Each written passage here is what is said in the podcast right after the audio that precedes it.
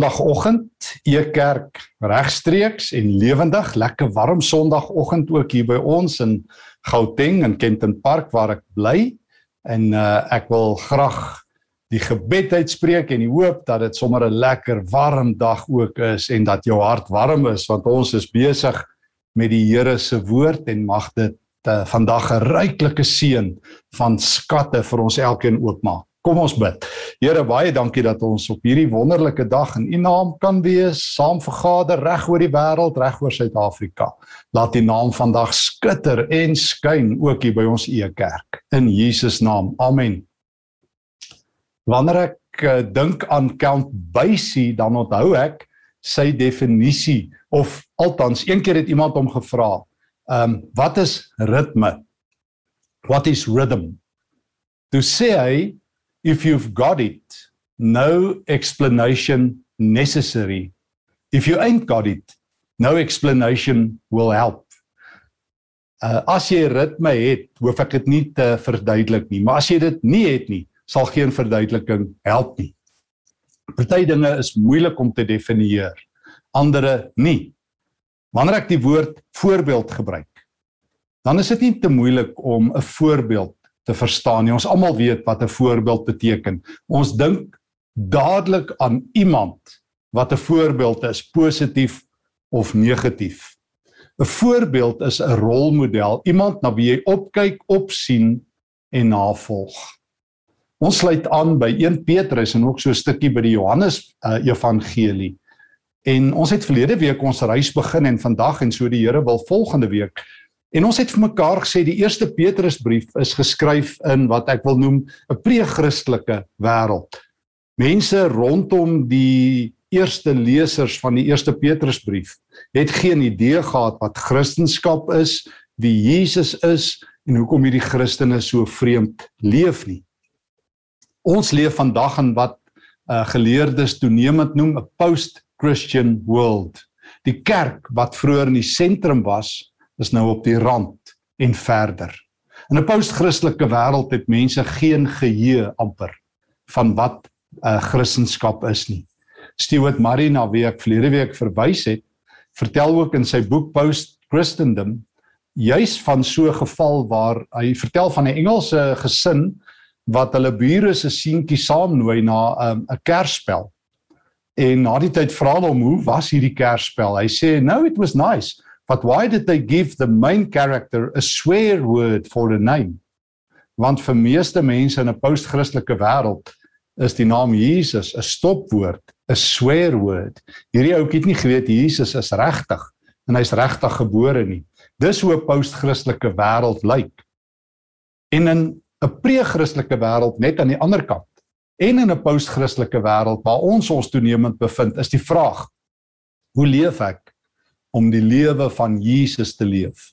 Die eerste Petrusbrief is na my wete een van die kragtigste dokumente van die Nuwe Testament om Christene te help om reg te leef, keurig te leef, stylvol te leef vir Jesus in 'n wêreld wat God vreemd is, God vyandig is.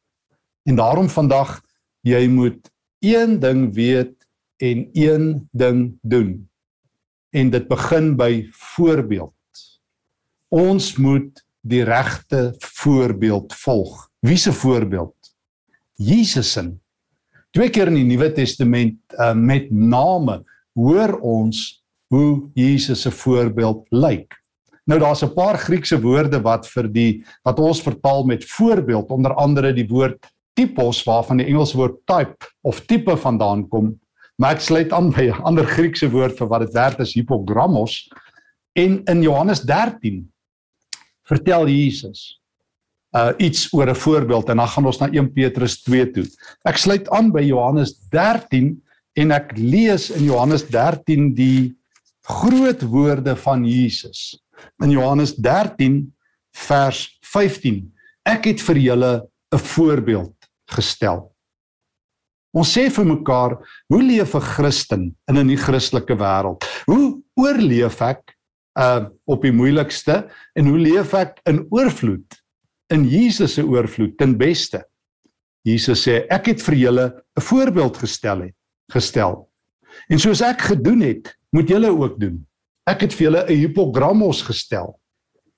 So Jesus sê, weet jy, as jy wil lewe as 'n Christen, moet jy een ding doen. Volg my voorbeeld. Jesus sê, ek is julle rolmodel.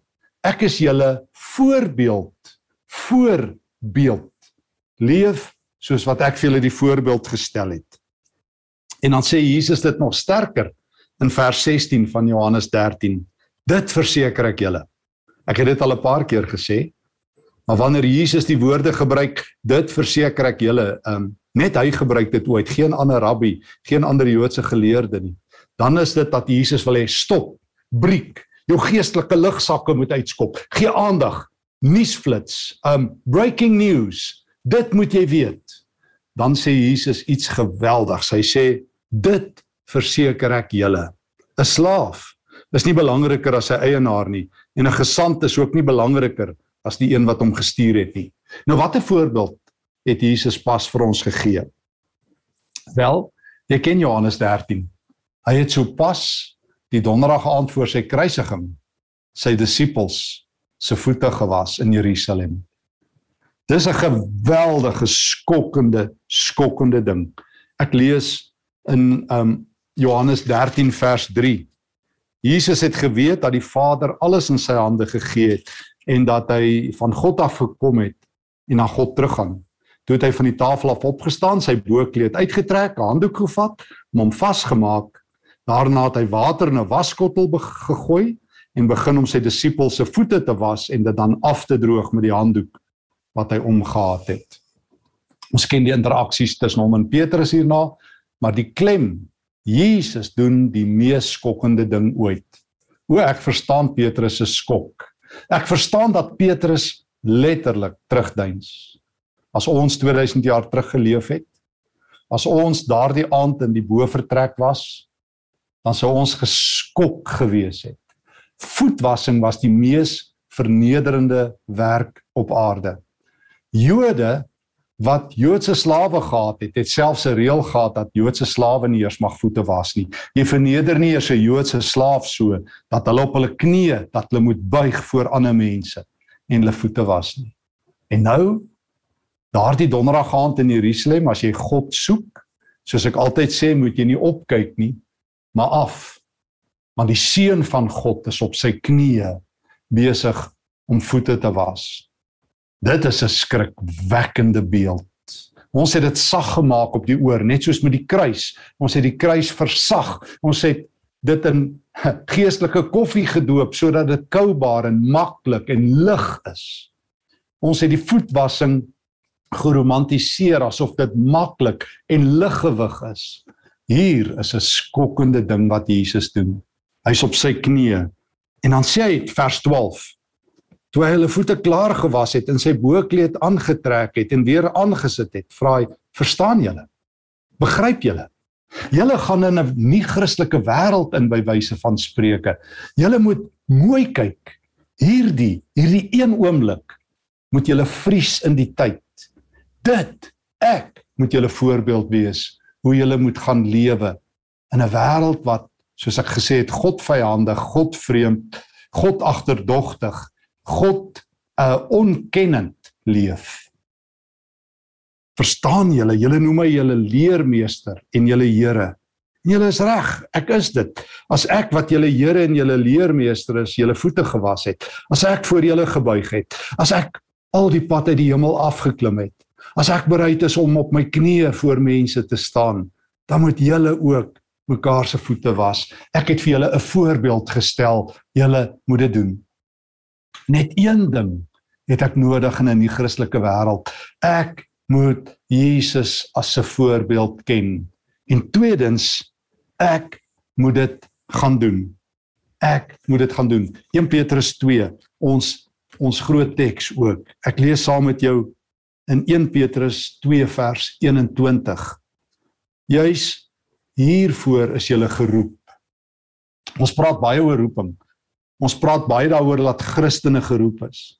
Geestelike leiers hou daarvan om te vertel hulle is geroep in die Here se diens. Petrus sê ons almal is geroep. Maar hoor 'n bietjie. Niemand lees die volgende opmerkings Hy skrywe met name um, hierso vir huishoudelike slawe, maar vir alle Christene. Juis hiervoor is julle geroep. Nou verduidelik hy, omdat Christus self vir julle gelei het en so vir julle 'n voorbeeld gestel het, 'n hipogramos, sodat julle in sy voetspore kan volg. Die tweede keer in die Nuwe Testament.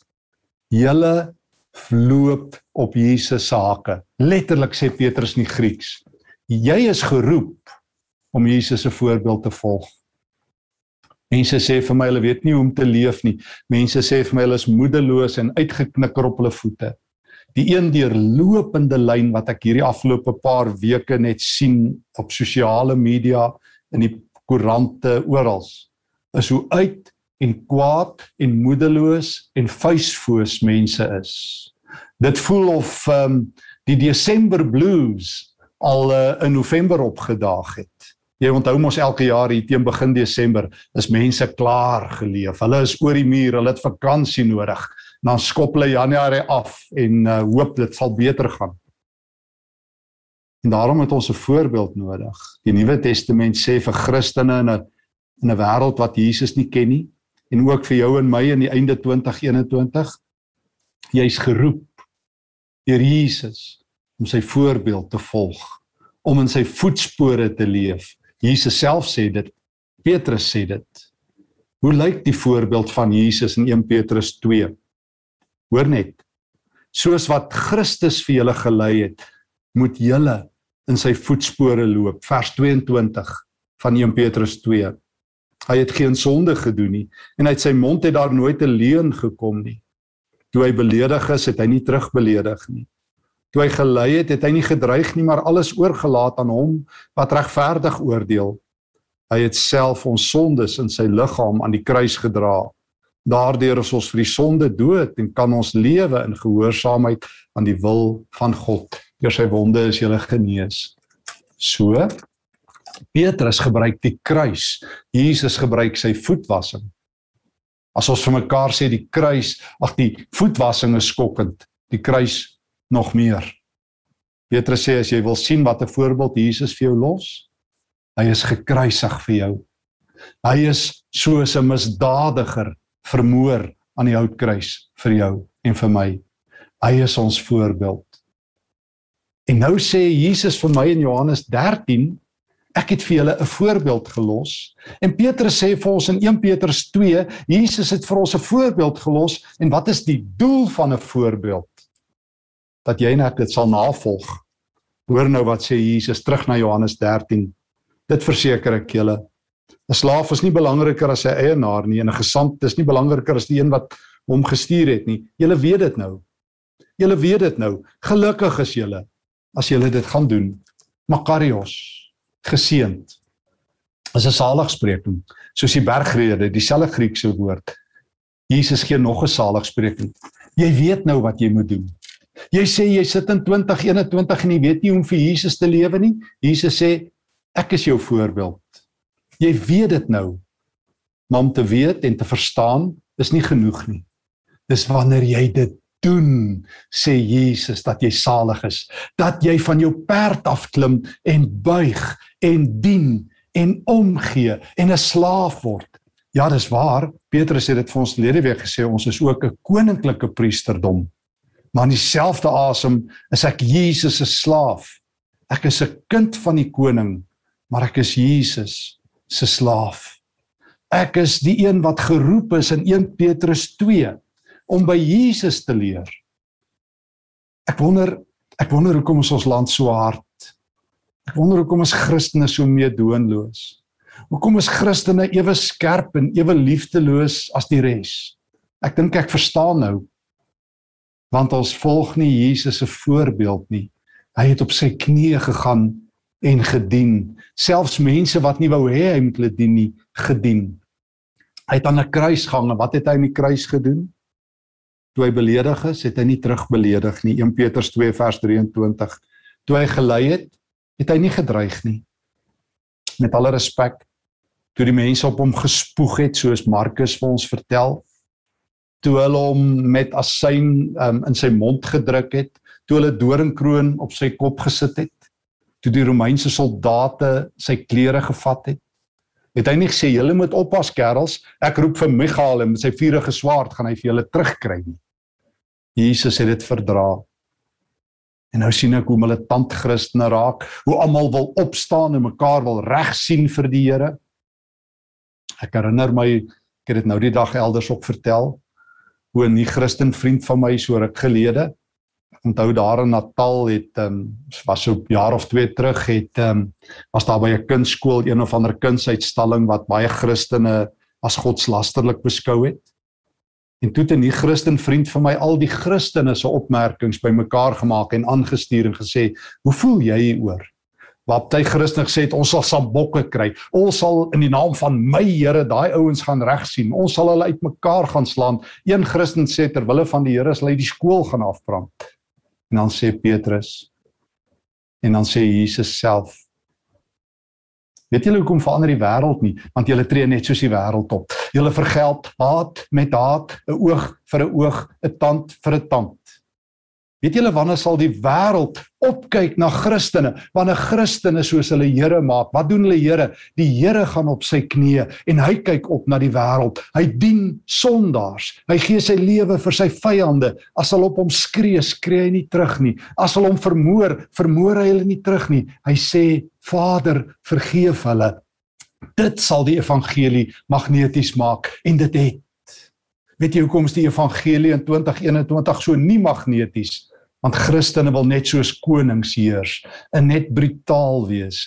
En nou kom Petrus en hy sê: "Weet jy wat? Jesus het vir jou 'n voorbeeld gestel. Hy het met liefde opgetree. En daarom sê Petrus en ons gaan volgende week verder by hierdie moeilike gedeeltes, daarom onderwerp jy jou aan mense. Daarom dien jy mense. Daarom respekteer jy mense. Maar nou is die vraag, hoe doen ek dit? Hoe kry ek die lewe van Jesus, die voorbeeld van Jesus afgedruk op my? O, ek weet eers wie ek is. Ek verstaan Lukas 17. Een van die vergete tekste waar Jesus sommer so 'n kort gelykenis vertel. Vers 7. Hy sê: "Sien nou een van julle het 'n slaaf wat ploeg of vee oppas. Sal hy vir die slaaf sê as hy van die veld af kom, kom eet eers gou? Nee. Hy sal vir hom sê: "Maak vir my iets klaar vir aandete. Sit dan jou voorskoot aan en kom bedien my terwyl ek eet en drink. Daarna kan jy self eet en drink." 'n Slaaf wat sy opdrag uitgevoer het, word mos nie bedank nie of hoe. So is dit ook met julle. As julle alles gedoen het wat aan julle opgedra is, sê dan, ons is slawe wat niks verdien nie. Ons het gedoen wat ons verplig was om te doen. Ek is Jesus se slaaf. Hy sê vir my, Stefan, wil jy my magneties uitlewe? Dan moet jy eh, soos in Lukas 22 soos ek raak. Wie is die belangrikste by die tafel? Die eregaste. Wees jy die een wat dien? Wees jy die een wat die voorsko of die servet van jou nek afhaal wat reg sit om bedien te word en sit dit oor jou arm en vra, "Hoe kan ek ander mense dien?" Leer om op te kyk na mense. Leer kom sit in Luka in Johannes 13 langs my. Ek sal jou leer om op te kyk na vuilvoete Petrus. Ek sal jou leer om op te kyk na op die punt om my te verloon Thomas en Judas. Ek sal jou leer om jou vyande lief te hê. Ek sal jou leer om in Suid-Afrika waar dit almal vir hulle self is en in die res van die wêreld, die mense se harte al hoe harder word, godsdienstig is en kluis. Ek sal jou leer om op te kyk. Kom sit langs my en geseënd is jy as jy dit doen. Paulus verstaan dit in Filippense hoofstuk 2.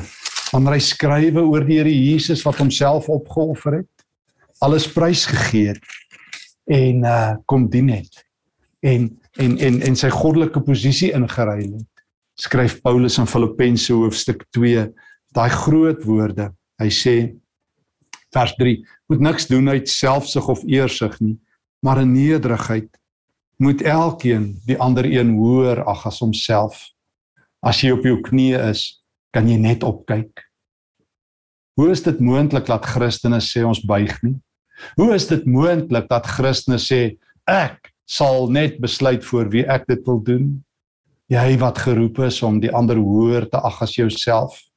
O, daar is geen antwoord op iemand wat jou respekteer terwyl jy neerkyk op hulle nie.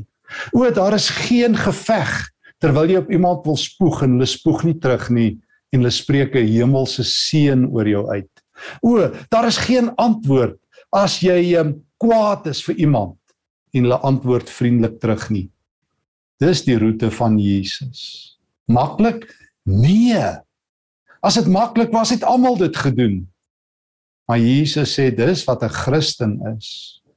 Julle word slawe soos ek al is ek die Here. Julle wat konings is, leer om te buig en op te kyk. Ek het vir julle 'n voorbeeld gestel. Geseënd is julle as julle ander mense se voete was. Soos wat ek aan die kruis nie gesweer en geswets en mense beledig het nie, roep ek julle op om in my voorbeeld te volg. En as julle dit doen, geseënd is julle.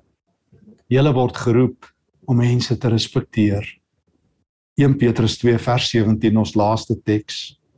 Julle is vry sê hy eers in vers 16. Daarom vers 17 julle moet alle mense respekteer. Julle moet alle mense respekteer. Timao, die Griekse woord eer gee. Jy hoef nie met mense saam te stem om hulle te eer nie. Waar het ons hierdie idee dat as ek van mense verskil, het ek die reg om hulle minder mens te behandel?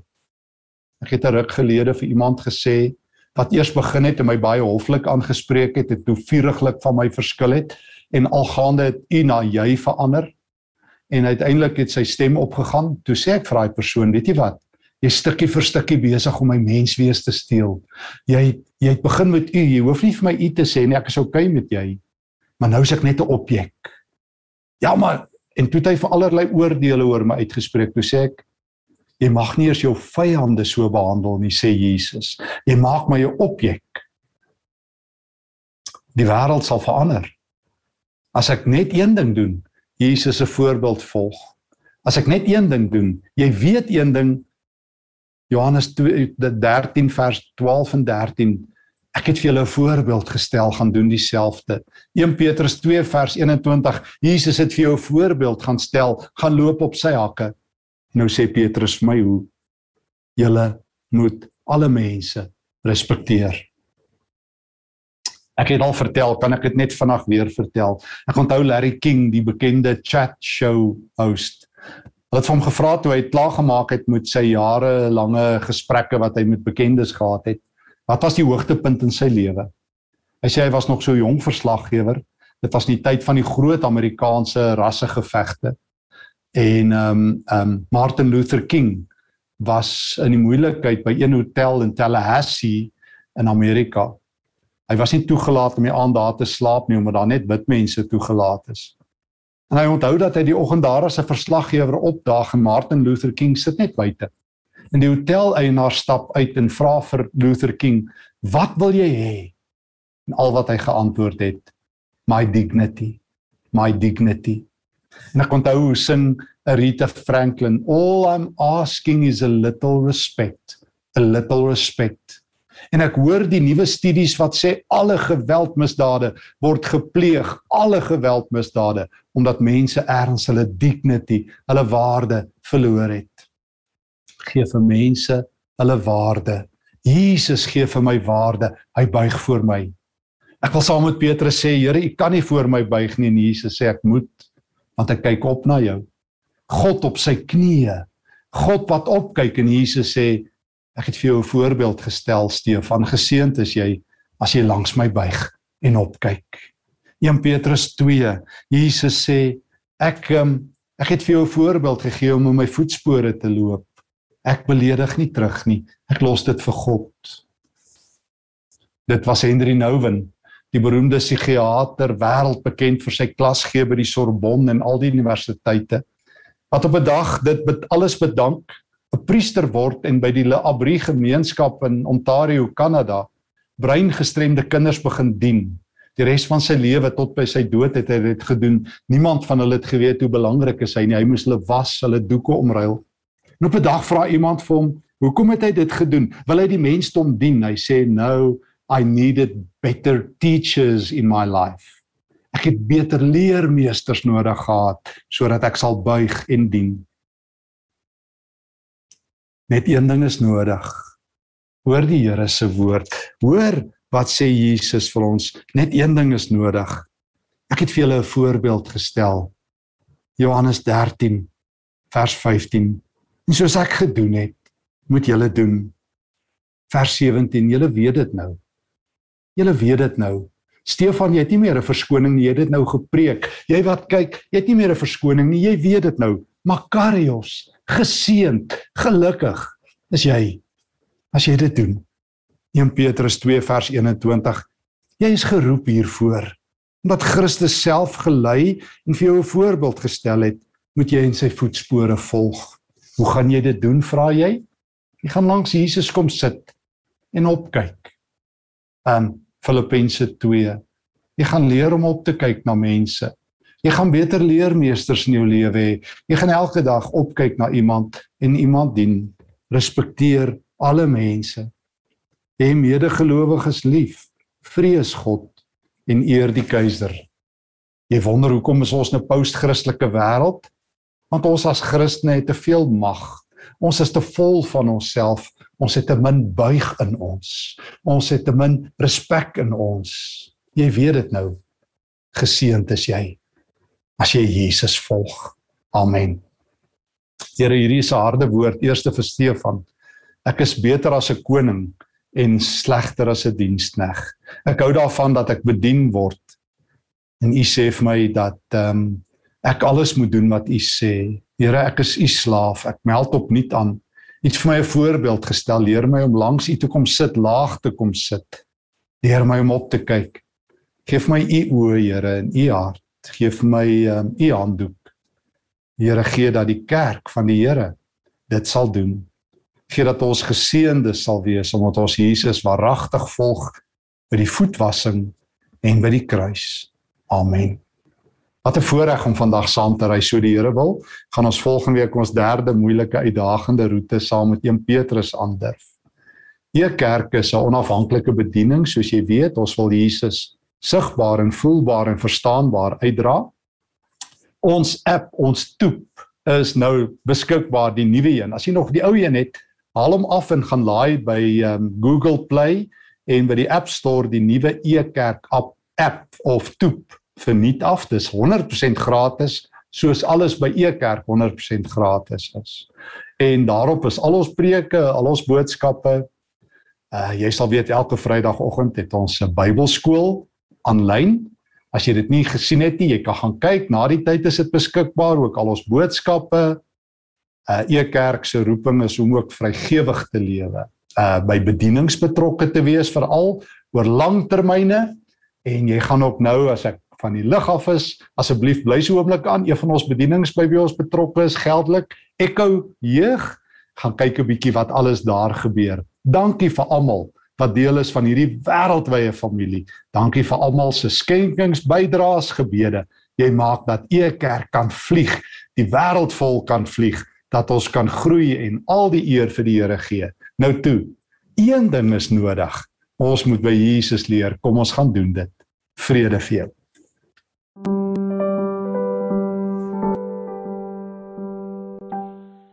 Ons fokus op twee groepe mense, weerlose mense in die gemeenskap. Die een is hoërskoolkinders en dan ook jong mense uit kindersorgstelsels wat dan uh skielik aan hulle eie genade oorgelaat is wat geen ondersteuningsbasis buite die die kinderhuis of die straatkindershelter of wat ook al gehad het nie. Ons fokus maar kwaai op uh, skills development met die ouens, veral met die groente en die en die diere wat ons hier het. So deur die proses leer die ouetjie bietjie meer van handewerk. So daar kom 'n bietjie rotine in die ouetjie se lewens in en hulle kan 'n voldag werk. Ons probeer daai ou handelinge stelsel herontdek waar daar staan die eerste prentjie van die kerk en hulle het alles gedeel en niemand het niks tekort gehad nie. So 'n tipiese huisie net maar waar daar 13 mense bly sal so 8 of 9 van die mense hierdie jong mense wees wat geen familie het nie. En dan die die ander 5 is gewone mense wat voel jy ons ons doen dit nie om geseën te word nie, ons doen dit want ons wil graag geseën wees. Ons wil iets teruggee en wat dan hulle karre en hulle ervaring en hulle skills en hulle netwerke en alles met hierdie kinders deel en saam met hulle leef.